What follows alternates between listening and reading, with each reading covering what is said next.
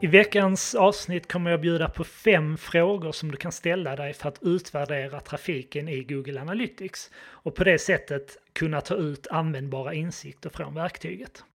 Och många av dem jag träffar som ansvarar för företagets digitala marknadsföring uttrycker att det ibland känns övermäktigt att ta sig an Google Analytics, vilket resulterar ofta i att man inte kanske tar sig den tiden som krävs för att analysera och därigenom förbättra sina digitala marknadsaktiviteter.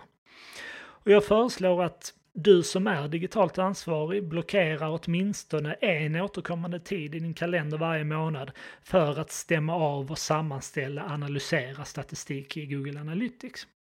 Och om du vet med dig att du tenderar att skjuta på den här tiden så boka in ett avstämningsmöte med din digitala byrå eller med din chef så får du in det här i din kalender.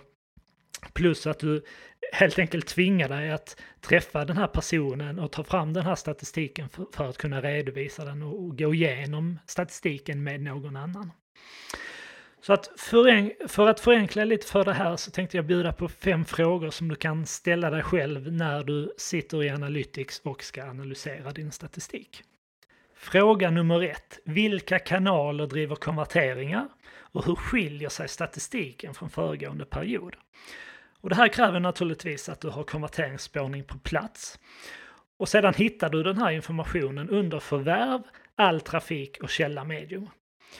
Och här ska du då ändra datumintervallet, exempelvis till de senaste 30 dagarna eller till föregående månad. Slå på jämförelsefunktionen i Analytics så att den jämför med föregående period. Och här ska du såklart börja då med att bilda dig en uppfattning om vilka kanaler är de som driver mest konverteringar. Och naturligtvis även titta på saker som konverteringsgrad. Vilken kanal driver flest konverteringar i förhållande till mängden trafik som vi får, får från de här kanalerna. Kontrollera sedan hur konverteringarna har ökat eller minskat jämfört med föregående period. Eh, och här tycker jag att du kan applicera det som kallas Pareto-principen. Eh, just för att förenkla för dig själv. Alltså att fokusera på de kanaler som står för majoriteten av konverteringarna. Har de ökat eller minskat från föregående period? Och utifrån den här analysen så behöver du sedan gräva djupare. Har antalet konverteringar sjunkit från betald söktrafik under perioden som gick? Om så är fallet behöver du naturligtvis då ta en titt på hur statistiken i Google Ads ser ut. Finns det specifika kampanjer eller är det specifika sökord där vi har tappat konverteringar under den här perioden? Arbetar du med, med en byrå som hanterar er annonsering så ställ frågan till dem. Jag ser att konverteringarna har sjunkit de senaste 30 dagarna eller förra månaden. Vad beror det på? Eh, och de ska kunna ge dig en förklaring på detta och det brukar oftast finnas en, en logisk förklaring eh, till varför konverteringarna har gått upp eller ner. Likadant om konverteringarna har ökat eller minskat markant från exempelvis organisk söktrafik. Finns det specifika sökord som har drivit mer eller mindre trafik än föregående period? Här skulle jag också tipsa, eh, tipsa om att eh, säkerställa att Google Search Console är installerat och koppla till Google Analytics för att kunna se den här datan tydligare direkt i Analytics. Använd verktyg som exempelvis Winsure för att kunna följa placeringen på viktiga sökord i Google. Finns det sökord som har ökat eller tappat i ranking och som därigenom kan vara förklaringen till att de konverteringarna från organisk söktrafik har ökat eller minskat. Fråga nummer två. Vilka målsidor är populära och driver många konverteringar? Så en annan sak som du behöver ha koll på är, är vilka populära så kallade målsidor eller ingångssidor som finns på er webbplats. Och det här hittar du under fliken beteende, webbplatsinnehåll och målsidor. Det här är alltså de sidor som flest landar på när de kommer in till er hemsida. Och det är, det är oftast så att ja, men er startsida har troligtvis flest ingångar. Men det är hög sannolikhet att det även finns många andra sidor på er webbplats som har många ingångar.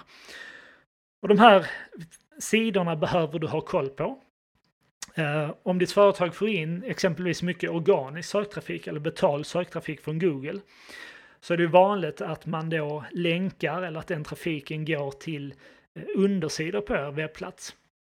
Och de här tycker jag du bör behandla då som så kallade startsidor och utforma dem därefter.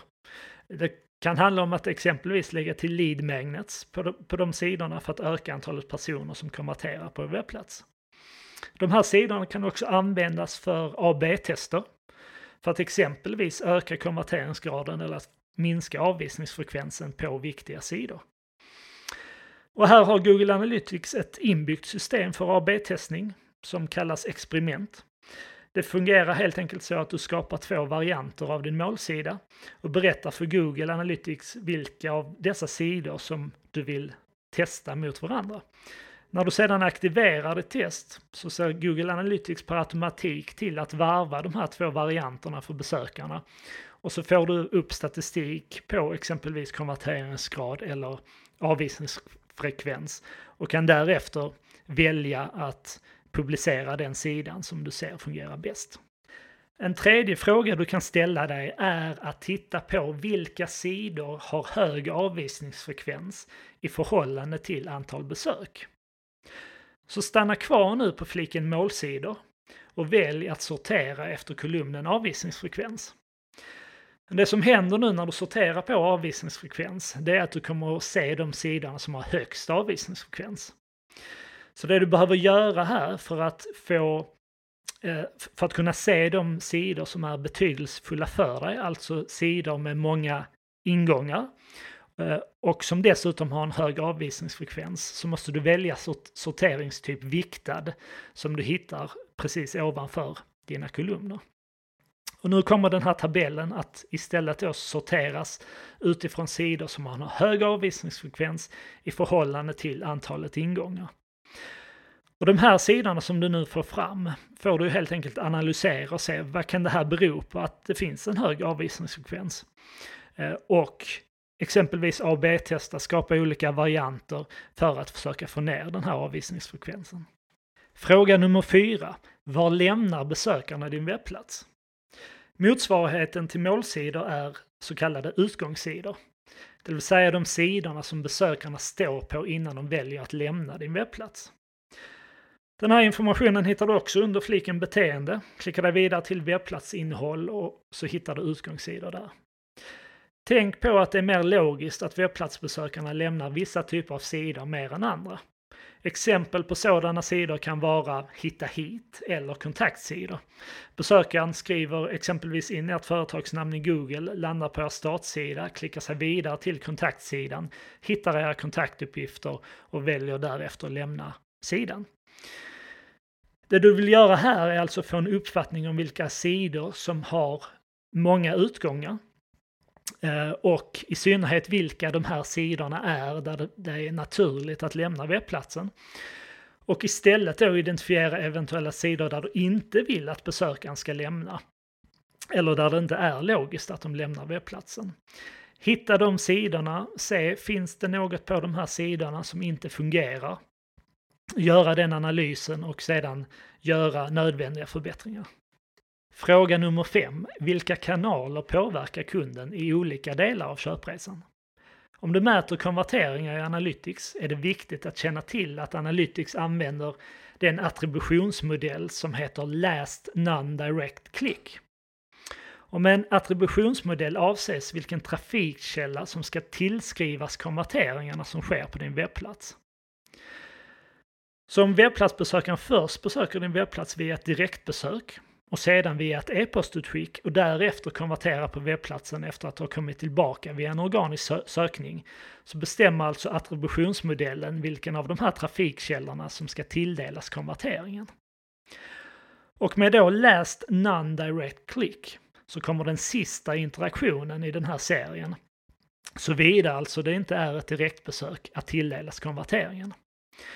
Så om jag exempelvis besöker en webbplats via ett organiskt sökresultat och därefter gör ett direktbesök till webbplatsen innan jag konverterar så kommer konverteringarna tillskrivas det organiska klicket från Google. Den här informationen kan du ju då använda för att få en bättre insikt i hur er närvaro i olika kanaler påverkar kunden i olika delar av köpresan. För om man bara tittar på den sista interaktionen så finns det en risk att man inte eh, värderar vissa kanaler så pass högt som man kanske egentligen borde göra. Eh, det här är vanligt, eh, kan vara vanligt när man tittar på företagets digitala annonsering, att den första interaktionen kanske är en annons. Eh, men själva konverteringen kanske föranleds av att man har sökt efter företagets namn och sedan konverterat efter att ha klickat organiskt. Så jag lägger med några länkar i anslutning till den här artikeln där du kan lära dig mer om attributionsmodeller och på det sättet få en bättre förståelse för hur olika kanaler påverkar kundens köpresa. Det här avsnittet finns också tillgängligt som ett inlägg på vår blogg. Jag kommer lägga med länken i anslutning till det här avsnittet. Om du vill i lugn och ro när du sitter i Analytics eh, sitta och titta igenom de här frågorna så så kan du använda blogginlägget eh, om du tycker att det funkar bättre.